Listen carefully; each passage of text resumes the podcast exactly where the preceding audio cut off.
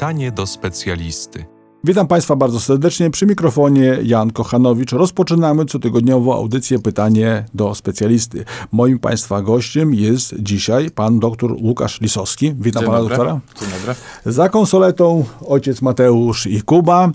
Em, Pan doktor Lisowski na co dzień pracuje w klinice okulistyki Uniwersytetu Medycznego w Białymstoku.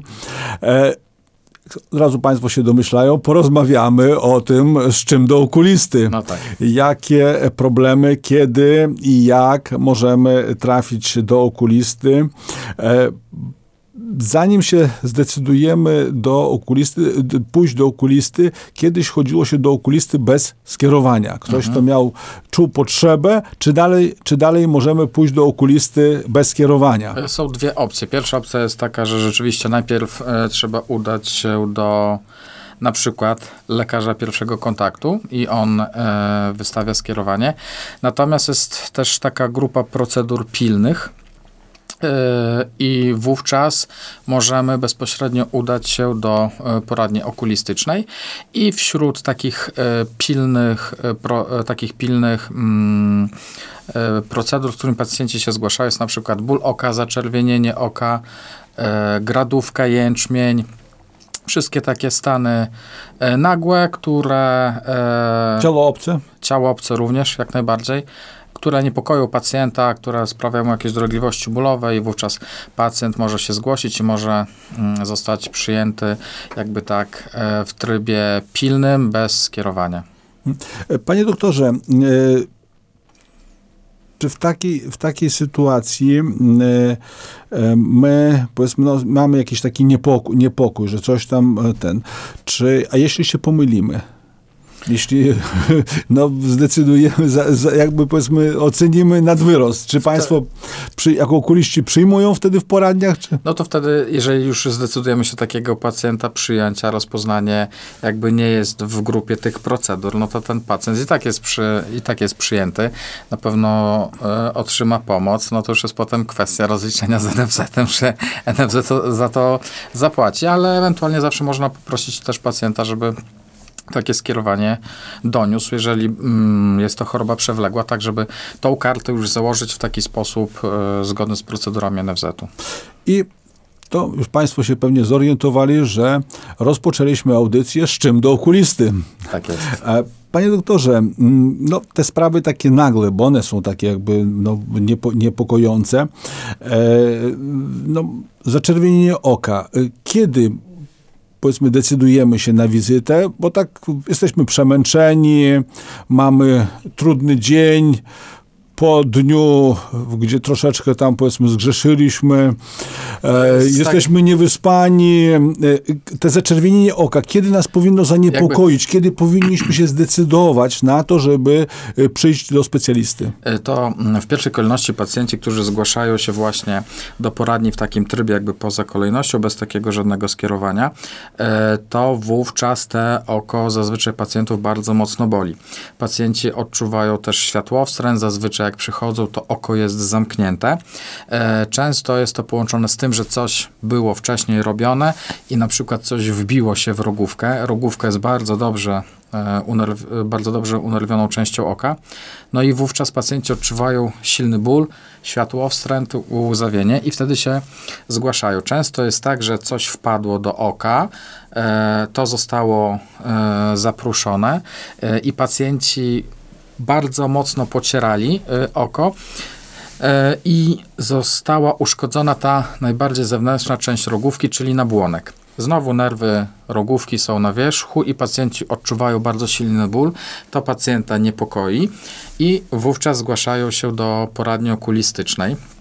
Natomiast zazwyczaj jest tak, że to oko jest takie trochę przekrwione, zaczerwienione e, przy takich procedurach. E, natomiast często też pacjenci zgłaszają się z takim silnym wylewem podspojówkowym. To jest taka żywo-czerwona krew, która pacjenta bardzo zaniepokoiła. Zazwyczaj występuje to po spoczynku nocnym. Pacjenci wstają z rana, mają tam jakieś tam swoje czynności, które robią i nagle patrzą w lustrze, że tutaj coś się zmieniło z twarzą. No i to e, z tym również się e, zgłaszają do okulisty, z tym, że jeżeli mm, e, jest zazwyczaj to wylew podspojówkowy, to może to być objaw okulistyczny jakiejś choroby ogólnej, czyli pacjent mógł na przykład przedawkować leki przeciwkrzepliwe lub przeciwpłótkowe, albo w nocy był jakiś taki incydent nagłego skoku ciśnienia, pękło naczynie i no i wylała ta krew, no i wówczas taki pacjent zgłasza się do okulisty, może otrzymać różnego rodzaju krople, które mają za zadanie troszeczkę szybciej z, zresorbować tą krew, tak żeby e, oko miało swój naturalny kolor. Natomiast taki pacjent jest również kierowany na przykład do kardiologa czy do swojego lekarza, który leczy choroby podstawowe, bo może powinien e, zmienić leczenie, może powinien coś, e, coś odstawić. E, natomiast przy takiego rodzaju zapaleniach czy zaczerwienieniach oka, które są zazwyczaj izolowane, no to wówczas lekarz okulista, w zależności od stanu miejscowego, premedykuje różnego rodzaju leczenie. W większości przypadków jest to leczenie miejscowe, kroplowe i tyle. E, panie doktorze, a w sytuacji takich, bo też padły takie jakby stany zapalne, e, no, popularny jęczmień, e, gradówka, co to za schorzenia? Bo wtedy też rozumiem, że możemy się zgłosić bez skierowania do specjalisty okulistyki. Co to są za schorzenia i, i jak sobie do tego się przygotować, jak sobie z tym poradzić? Zazwyczaj jest tak, że jeżeli mamy mm, obrzękniętą i zaczerwienioną powiekę, dochodzi do zamknięcia przewodu mm, gruczołu, który znajduje się w powiece. Ten gruczoł mm, odpowiada za produkcję warstwy lipidowej filmu łzowego. Gruczoł jest przytkany, a e, produkcja tej warstwy lipidowej e, dalej jest i ten gruczoł po prostu się tak powiększa. Po, po, powiększa się, bo nie tak, ma, bo nie ma produkuje, ujścia, a nie tak. ma ujścia. Mhm. I wtedy pacjenci odczuwają właśnie dolegliwości bólowe, zaczerwienienie. E, jeżeli dojdzie do nadkażenia, no to wówczas mamy takie zapalenie, stan nagły, no i należy już wtedy włączyć y, antybiotykoterapię miejscową. Czasami również włącza się steroidoterapię miejscową po to, żeby jak najszybciej zmniejszyć ten stan zapalny i zmniejszyć dolegliwości bólowe, z którymi zgłosił się pacjent. Natomiast tutaj tak naprawdę y, również dość istotna jest y, higiena brzegów powiek, higiena powiek. Należy przyłożyć jakiś ciepły, suchy kompres na to miejsce, tak żeby to miejsce było ogrzane, żeby ten gruczoł i ta skóra w taki naturalny sposób troszeczkę się rozszerzyła. No i zazwyczaj aplikuje się taki masaż okrężny. Jeżeli to jest dolna powieka, to takim okrężnym ruchem masujemy powiekę od dołu do góry, a jeżeli taka zmiana pojawiła się w powiece górnej, wówczas wykonujemy masaż od góry do dołu. W aptece są również dostępne takie specjalne preparaty do higieny brzegów powiek. Mogą być w formie płynu, mogą być w formie nawilżonych chusteczek i zazwyczaj po takiej higienie i masażu brzegów powiek i y, oczyszczeniu brzegów powiek pacjenci już też powinni y, powinien ten stan miejscowy się również poprawić. No i oczywiście można zgłosić się również do lekarza rodzinnego. Również może lekarz rodzinny przepisać maść, czy to właśnie w antybiotyk w maści, czy antybiotyk oraz steryt. Y, zazwyczaj leczenie trwa do dwóch tygodni. W większości przypadków można określić, że, e, że takie objawy mm, ulegają zmniejszeniu, zmiana e, ogranicza się. E, w większości przypadków ona po prostu zanika. Jeżeli to jest taka zmiana przewlekła, która trwa już ponad miesiąc, wtedy rzeczywiście trzeba już się zgłosić do lekarza okulisty tak jak e, wspominałem, najlepiej ze skierowaniem od lekarza rodzinnego i wówczas taką zmianę albo można ostrzyknąć, ewentualnie wtedy trzeba ją wyciąć. E, czy dobrze zrozumiałem, bo e, w, tak jakby w takim no, popularnym w, no, rozmowach ten jęczmień i gradówka, czymś one się różnią, czy to, czy to są jakby... To bo takie, takie, czy to są te same choroby? To znaczy, e, gru, e, gru, jest Bo kilka jęczmień, jęczmień chyba, chyba nie jest taką jakby określeniem fachowym, takim specjalistycznym. Nie, to jest jęczmień i gradówka. Jest jakby takie izolowane e, zapalenie, gdzie jeszcze nie ma nie ma lub jest nadkażenie bakteryjne, jest to stan ostry i, i taki właśnie bardziej bolesny. Wówczas nazywamy to jęczmieniem. Wtedy, kiedy przechodzi to już w taką postać przewlekłą, brak komponenty stanu zapalnego, no bo organizm sam sobie poradził z tym stanem zapalnym, ograniczył tą zmianę i zazwyczaj jest tak, że e, w powiece jest wyczuwalna e, grudka, pod, zazwyczaj pod palcem. U osób, które mają mało skóry albo skóra jest napięta, ta grudka jest widoczna, no to wówczas jest to gradówka, którą należy rzeczywiście wyciąć. Jeżeli, jeżeli to przeszkadza, tak, bo jeżeli to jest duża zmiana, to również należy ją wyciąć. Czasami jest tak, że te zmiany są na tyle małe, że tak naprawdę pacjent tylko o tym wie, że coś takiego ma w powietrze i tak naprawdę tylko on sobie pod palcem potrafi to wybadać, a my jak tutaj badamy, to to tak mm, nie zawsze jesteśmy w stanie, e, nie zawsze jesteśmy w stanie to rozpoznać. Natomiast, tak jak mówiłem, mamy możliwość leczenia operacyjnego, zabieg jest wykonywany w warunkach ambulatoryjnych, w znieczuleniu miejscowym, krótkotrwały, trwa to dosłownie 10-15 minut i również w większości przypadków nie zakładane są tutaj szwy, jest tylko opatrunek uciskowy, który należy utrzymać przez kilka godzin, no i potem standardowa również taka farmakoterapia, zazwyczaj z antybiotykiem po to, żeby e, ta rana, która została zrobiona się nie nadkaziła. Panie doktorze, bo tak rozmawialiśmy w przypadku jęczmienia e, na temat e, takiej toalety, higieny mhm. powiek. Chyba należałoby podkreślić, że w takim okresie chorobowym panie muszą zrezygnować z dodatkowych czynności upiększających, takich, które tam różna kolorystyka zaczyna dominować, różne środki. No, pa, panowie, panowie no, nie, mają z tym problemu. Nie, nie mają z tym problemu. Raczej nie jest to dla nich jakby traumatyczne przeżycie, czy y, w takim okresie chorobowym panie rzeczywiście y, muszą zrezygnować, że jest to jakby y, taki jakby warunek konieczny do tego, żeby wyzdrowieć. My to zalecamy jak najbardziej, żeby dbać o higienę e, brzegów powiek i żeby nie stosować dodatkowych substancji czy dodatkowych rzeczy, które po prostu mogą przytykać ten gruczoł, który staramy się oczyścić. I dodatkowo e, przy stosowaniu mm, również kosmetyków, wtedy kiedy e, mamy e, aktywny stan zapalny, po prostu możemy jakby przenieść te zapalenie, zakażenie również na drugą powiekę. Więc jeżeli mamy na przykład spadki odporności, jeżeli występują takie zmiany typu jęczmień i gradówka w kilku miejscach, na to szczególnie trzeba zwrócić uwagę, żeby w, w czasie, kiedy stosujemy leki, wtedy, kiedy y, mamy ten stan zapalny, albo on już, albo już go nie mamy, ale jest w takiej w czasie schodzącym, lepiej byłoby nie stosować kosmetyków ale lepiej czy zakaz? Bo to tak pan, pan doktor tak delikatnie to mówi, tak... tak ja, ja, myślę, ja myślę, że powinniśmy powiedzieć wprost, nie malować, nie robić nie malo, oka. Tak, nie malować oka rzeczywiście, ale kiedyś powiedziałem coś takiego pacjentce, to pacjentka wyszła bardzo oburzona, że ja jej zwróciłem uwagę, że nie powinna w tym momencie stosować tuszu do rzęs. Ale panie doktorze, nasi słuchacze są daleko, słuchają w różnych miejscach e, Polski i e, świata naszych audycji.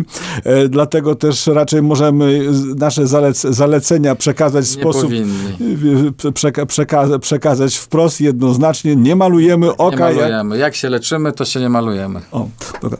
E, panie doktorze, e, wracamy teraz do, bo omówiliśmy pacjentów, gdzie się zgłaszamy w sumie w takich stanach nagłych z jakimi schorzeniami najczęściej trafiają do Państwa do poradni e, pacjenci w sposób taki planowy, umówiony, ze skierowaniem, którzy już byli najpierw e, u e, lekarza rodzinnego czy u innego specjalisty, który kieruje, kieruje do Państwa. Jakie to są schorzenia? Z jakimi schorzeniami najczęściej pacjenci trafiają? Zazwyczaj to też zależy od poradni. U nas poradnia przykliniczna, my mamy bardzo dużo pacjentów, pacjentów, e, którymi opiekowaliśmy się w klinice. Natomiast e, i tutaj, już, i tutaj są już róż, różne przypadki, tak? Leczenie pooperacyjne, pacjenci po urazach wszelkiego rodzaju, pacjenci e, z zaawansowaną jaskrą. Natomiast w przypadku takich standardowych skierowań, tak jak pacjent e, zgłasza się do okulisty, zazwyczaj zgłasza się z powodu pogorszenia widzenia. Zaburzenia widzenia jest takie rozpoznanie H52 w większości przypadków. Pacjenci zgłaszają się właśnie z tym, ponieważ około 40 roku życia zaczyna być problem z tymi małymi literkami, ręka staje się za krótka, światło jest za mało jasne, żeby to odczytać. No i wtedy rzeczywiście e, kwestia jest doboru korekcji okularowej, ale też chciałbym powiedzieć, że jeżeli pacjent pierwszy raz widzi okulistę w wieku około 40 lat, jest to jednak za późno, ponieważ badać należy się wcześniej i badać należy się częściej, zwłaszcza jeżeli występują jakiekolwiek schorzenia ogólne, w tym cukrzyca. Tutaj też chciałbym to podkreślić, że jeżeli ktoś ma rozpoznaną cukrzycę, tak jak od razu mm, jest kierowany do lekarza endokrynologa, powinien od razu zgłosić się do lekarza okulisty, żeby obejrzeć dno oka. Jeżeli pacjenci właśnie mają problemy E, z, z widzeniem, czy właśnie muszą mrużyć oczy, wówczas również dobrze byłoby, żeby zgłosili się do poradni okulistycznej, tak nawet, żeby zbadać tego pacjenta, zobaczyć jaką ma wadę refrakcji, czy nie potrzebuje korekcji okularowej, która e, spowodowałaby po prostu lepszy komfort funkcjonowania. No i przy okazji zawsze jak pacjent zgłosi się do okulisty, wykonywane jest badanie przedniego odcinka oka, wykonywane jest badanie tylnego odcinka oka. Mierzymy ciśnienie właśnie w kierunku diagnostyki jaskry. To jest takie podstawowe badanie. Nawet e, warto zgłosić się nawet po to, żeby przejść taką planową diagnostykę i nie czekać do tego 40 roku życia, aż te okulary będą nam potrzebne. E, takie sytuacje, jakie są zalecenia takie okulistyczne? E, co ile lat powinniśmy się takim badaniom okulistycznym i w jakim wieku zaczynać po, jakby, jeśli nie mamy, no żyjemy, nie mamy e, e, problemów, to w studiu tutaj siedzą, siedzą dwaj okularnicy, ja problemy od szkoły podstawowej, krótkowzroczność, więc jakby to jest dla mnie, jakby kontakt z okulistą jest taką no, rzeczą normalną, co, kil, co kilka lat,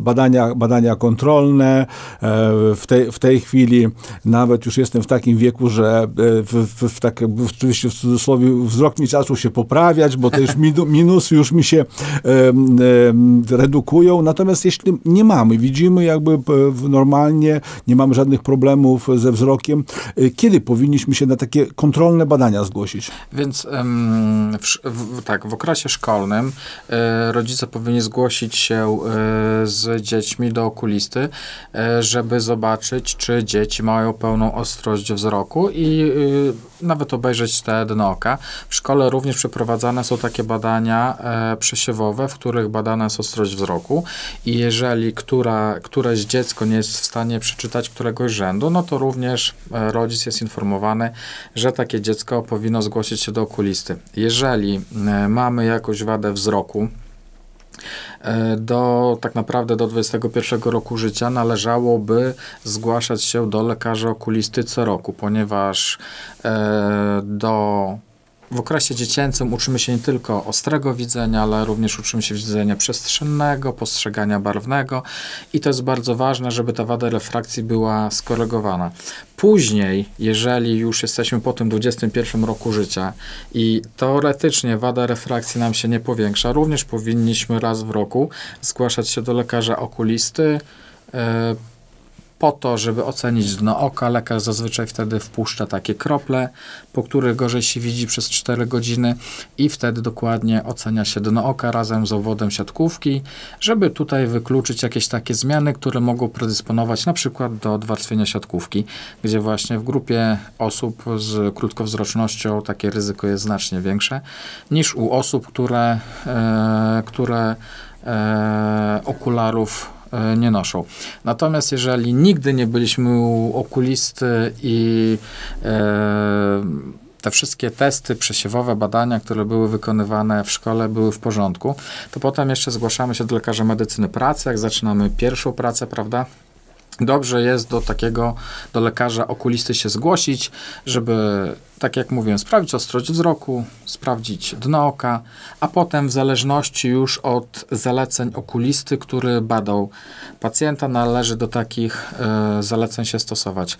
Wiadomo, że osoby młodsze te interwały czasowe między poszczególnymi badaniami mogą sobie wydłużać, ale już właśnie po tym 40 roku życia do tego okulisty trzeba byłoby zgłaszać się częściej, nawet raz w roku chyba że stan ogólny tego wymaga, żeby zgłaszać się częściej, lub lekarz, który takiego pacjenta prowadzi, jest w stanie powiedzieć, że już tutaj widujemy się co roku tak wiele lat, wszystko jest w porządku i na przykład ja tak swoje, mówię swoim pacjentom, że kolejna wizyta będzie pewnie za dwa lata.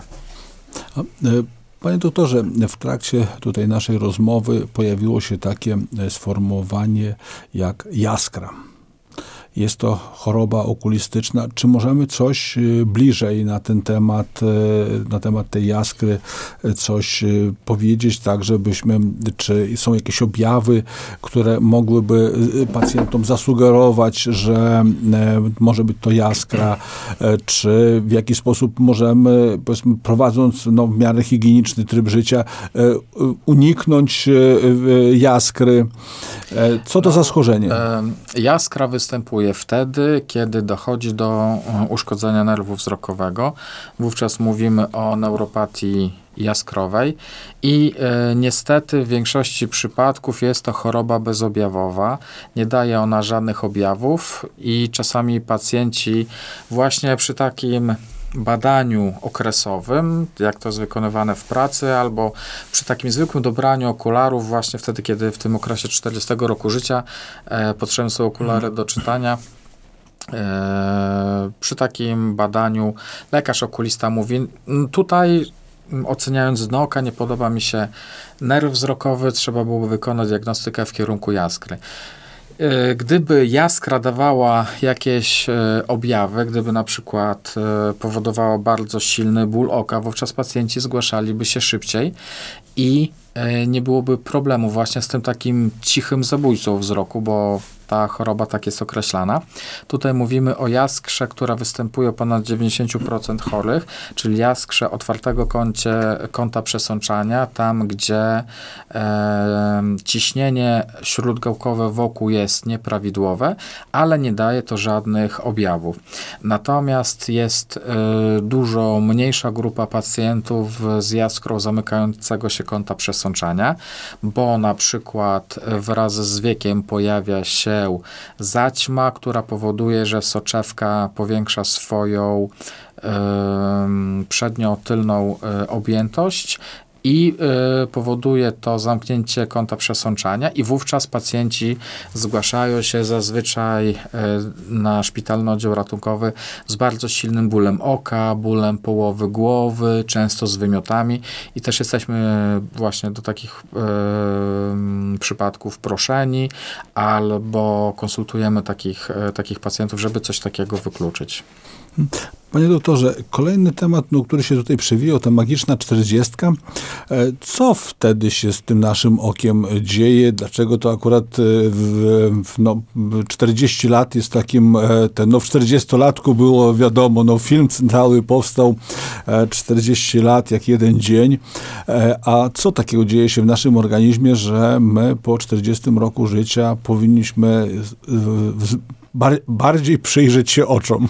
Wokół jest mięsień rzęskowy, do którego ufiksowana jest soczewka e, i ten mięsień napina się i rozluźnia, tak akomodując e, soczewkę, że dobrze widzimy zarówno do dali, na przykład prowadząc auto i dobrze widzimy do bliży, czytając czy pracując przy komputerze. No właśnie od 40 roku życia e, ten mięsień zaczyna być mniej wydajny i nie jest w stanie już tak mocno się naprężyć, tak żebyśmy dobrze widzieli do bliży.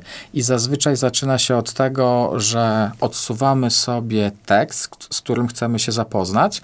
Na początku nam to nie przeszkadza, albo właśnie pacjenci mówią, że szukają lepszego oświetlenia i wtedy, kiedy już ten mięsień jest na tyle niewydolny, że ta ręka już nam jest za krótka, żebyśmy byli w stanie dobrze coś przeczytać, no to wtedy pacjenci się właśnie zgłaszają po to, żeby dobrać takie okulary do czytania, żeby wspomóc ten mięsień, który wraz z wiekiem, już po tym 40 roku życia przestał być e, tak wydajny, jak był na przykład w wieku lat 20.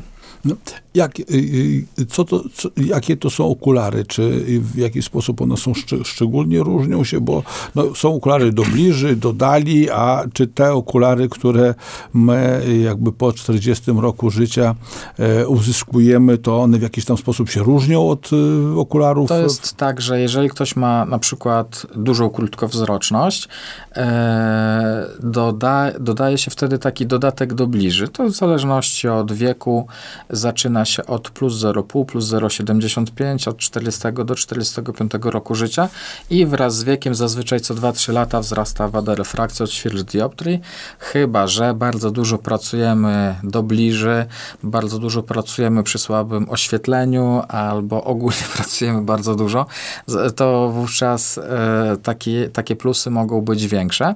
I jeżeli ktoś e, ma oko normowzroczne, no to wówczas zakłada takie okulary tylko do czytania. Jeżeli ktoś jest krótkowidzem, no to można zrobić e, okulary progresywne, czyli takie, które są tak dobierane, żeby pacjent dobrze widział do dali, do odległości pośrednich i do bliży. Natomiast też jest taka duża grupa pacjentów, która nigdy wcześniej nie nosiła okularów, a po 40 roku życia właśnie wtedy, kiedy trzeba za, zacząć nosić okulary do bliży, również wychodzi jakaś wada, dodali, czyli na przykład nieduży astygmatyzm albo wychodzi nieduża nadwzroczność i ci pacjenci też mają e, trochę problemów do pracy do takich odległości pośrednich, czyli na przykład do komputera. Więc można również zaproponować takim pacjentom takie specjalne konstrukcje szkieł, tak zwane szkła ofisowe, że dobrze widzi się do bliży, czyli do takiego czy, do czytania i do odległości półtora metra, tak jak zazwyczaj stoi ekran monitora. Znakiem naszych czasów jest e, komputer, a jeszcze e, bardziej w ostatnich latach e, smartfon. Wszyscy siedzimy wpatrzeni w te małe monitorki, w duże komputery. No, ma to swoje konsekwencje w neurologii, nawet mhm. mówimy o szyi smartfonowej. Tak. Przeciążenie w, w odpowiednie dochodzi do przeciążenia stawów, napięcia mięśni, więzadeł. To są zespoły bólowe, mocno uciążliwe. Czy to taka jakby zmiana naszych zachowań, e, bo to nie jest jakby rzecz naturalna do czegoś, do, nasza natura przygotowała nas raczej do przemieszczania się w przestrzeni, do pos, e, dalsze, mhm. korzysta, wzrok służy, służył do, e, do, do dostrzeżenia zwierzyny w, odleg w dużej odległości, a tutaj nagle zaczynamy, zmienia się nam w ciągu, i to dzieje się w ciągu kilkunastu lat, że nasze wykorzystanie wzroku jest całkowicie wywrócone do góry nogami. Tak. Czy ma to znaczenie na funkcjonowanie naszego oka i czy w jaki sposób możemy się przed tym chronić? Oczywiście ma to wpływ e, nie tylko na oko, ale przez oko również na cały organizm. E, w ogóle w tym momencie mówi się o, plagie, o pladze krótkowzroczności właśnie u dzieci, gdyż e, bardzo dużo czasu spędza się do bliży. W szkole jest bardzo dużo pracy do bliży, różnych takich zajęć, no i dodatkowo kwestia jeszcze zabawy do bliży, czyli wykorzystania tutaj y, smartfonów, wykorzystania tutaj komputerów i to jest pierwszy taki widoczny efekt że coraz więcej osób potrzebuje okularów. Coraz więcej osób jest krótkowzrocznych i potrzebuje tych okularów, żeby dobrze widzieć e, do dali. Kolejnym e, takim, e, taką rzeczą, którą du, taka przewlekła praca dobliży przy e, telefonie komórkowym czy przy komputerze e, powoduje zespół suchego oka. My wpatrując się w taki ekran, mniej mrugamy, oko jest e, otwarte szerzej, film łzowy wyparowuje, no i pacjenci uskarżają się właśnie na pieczenie oczu, na swędzenie, na częstsze łzawienie. Dodatkowo wtedy, kiedy nie mamy takiej higieny pracy dobliży, czyli pracujemy za dużo przy ekranach, które emitują światło krótkofalowe, czyli takie światło niebieskie. Również to poprzez siatkówkę wpływa na szyszynkę i może powodować zaburzenia snu. Więc jeżeli ktoś bardzo dużo czasu spędza przed takim telefonem komórkowym, zwłaszcza jeżeli robimy to już wieczorem, przed snem, może to powodować również e, zaburzenia snu, a przez to będzie to wpływać na cały, na cały organizm i na wiele różnych układów, w którym w które w organizmie się znajdują. Czyli po wysłuchaniu naszej audycji raczej idziemy na spacer niż, sięgamy, si, niż tak. sięgamy za e, komórkę i próbujemy doczytać jeszcze różne problemy, o naszych różnych e, e, problemach zdrowotnych. Kolejnym tematem, którym jeszcze w tej audycji chciałbym poruszyć, bo to się cały czas w różnego rodzaju programach też lekowych e, przewija, e, to są różnego rodzaju zmiany zwyrodnieniowe w, e, w siatkówce, tak. zmiany tak, plamki. Tak, zwyrodnienie plamki związane z wiekiem, to, to, AMD. AMD to też bardzo często. Czym to się zaczyna objawiać? Kiedy, kiedy nasi słuchacze mogliby dokonać samodiagnozy i wtedy ewentualnie próbować umówić się do okulisty? E, teoretycznie e, jest tak, że e, określane to jest, że to jest zwyrodnienie plamki związane z wiekiem u osób starszych, natomiast tak jak właśnie przychodzą pacjenci na takie badania okresowe, również lekarz okulista jest w stanie stwierdzić, tak, ta plamka jest zdrowa, albo coś z tą plamką się dzieje, no i wówczas trzeba się zgłosić do lekarza okulisty. Jeżeli pacjenci już zaczynają widzieć jakieś objawy, Zazwyczaj e, zaczyna się to od spadku ostrości wzroku do dali, albo jeżeli e, obraz zaczyna się falować, to znaczy patrzymy na e, kartkę papieru, taką w kratkę. Jeżeli tam linie zaczynają falować, no to również znaczy, że trzeba szybko udać się do okulisty, bo może to być AMD związane z wiekiem, taka postać neowaskularna.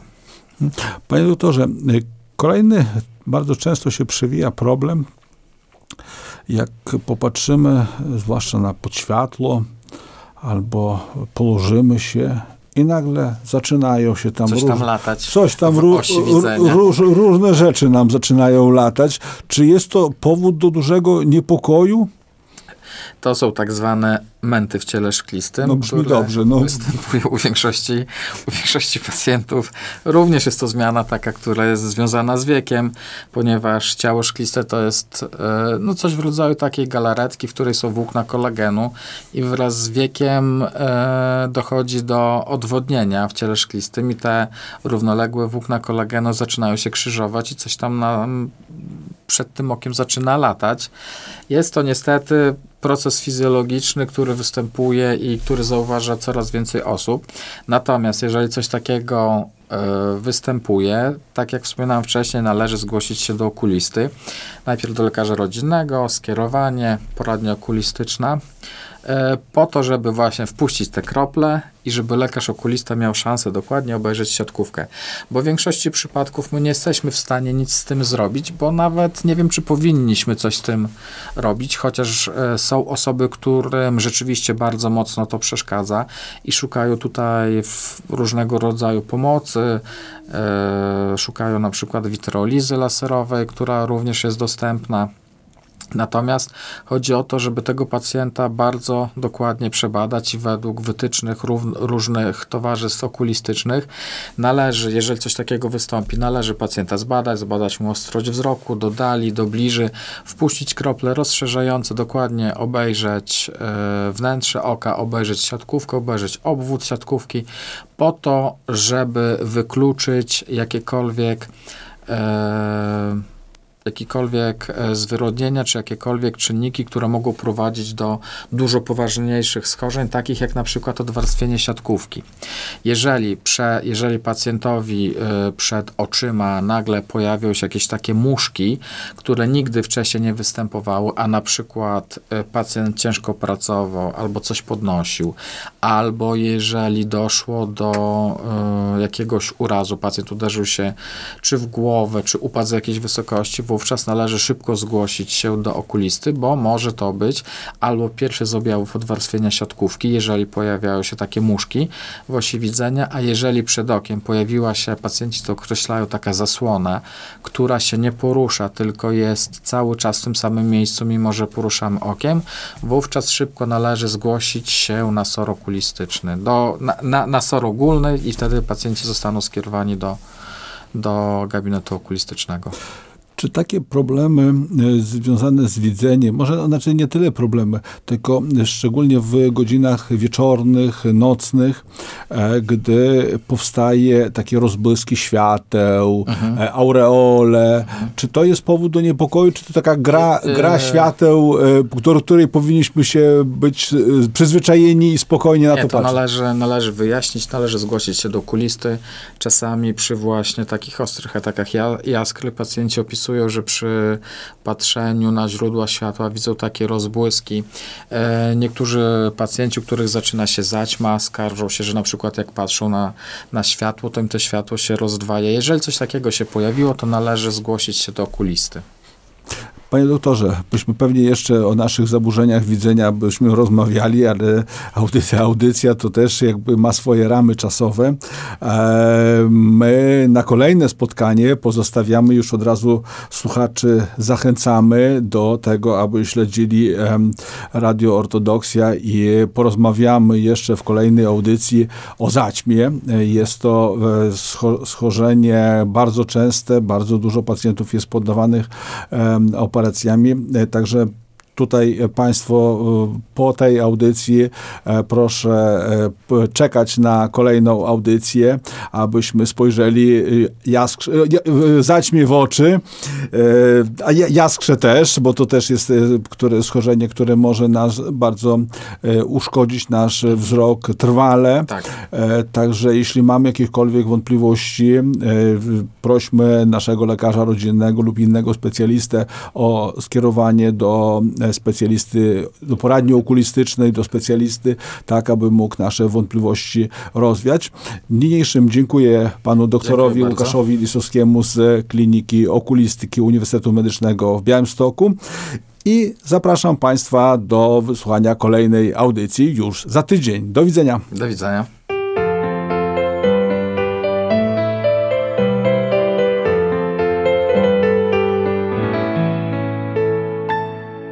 Pytanie do specjalisty.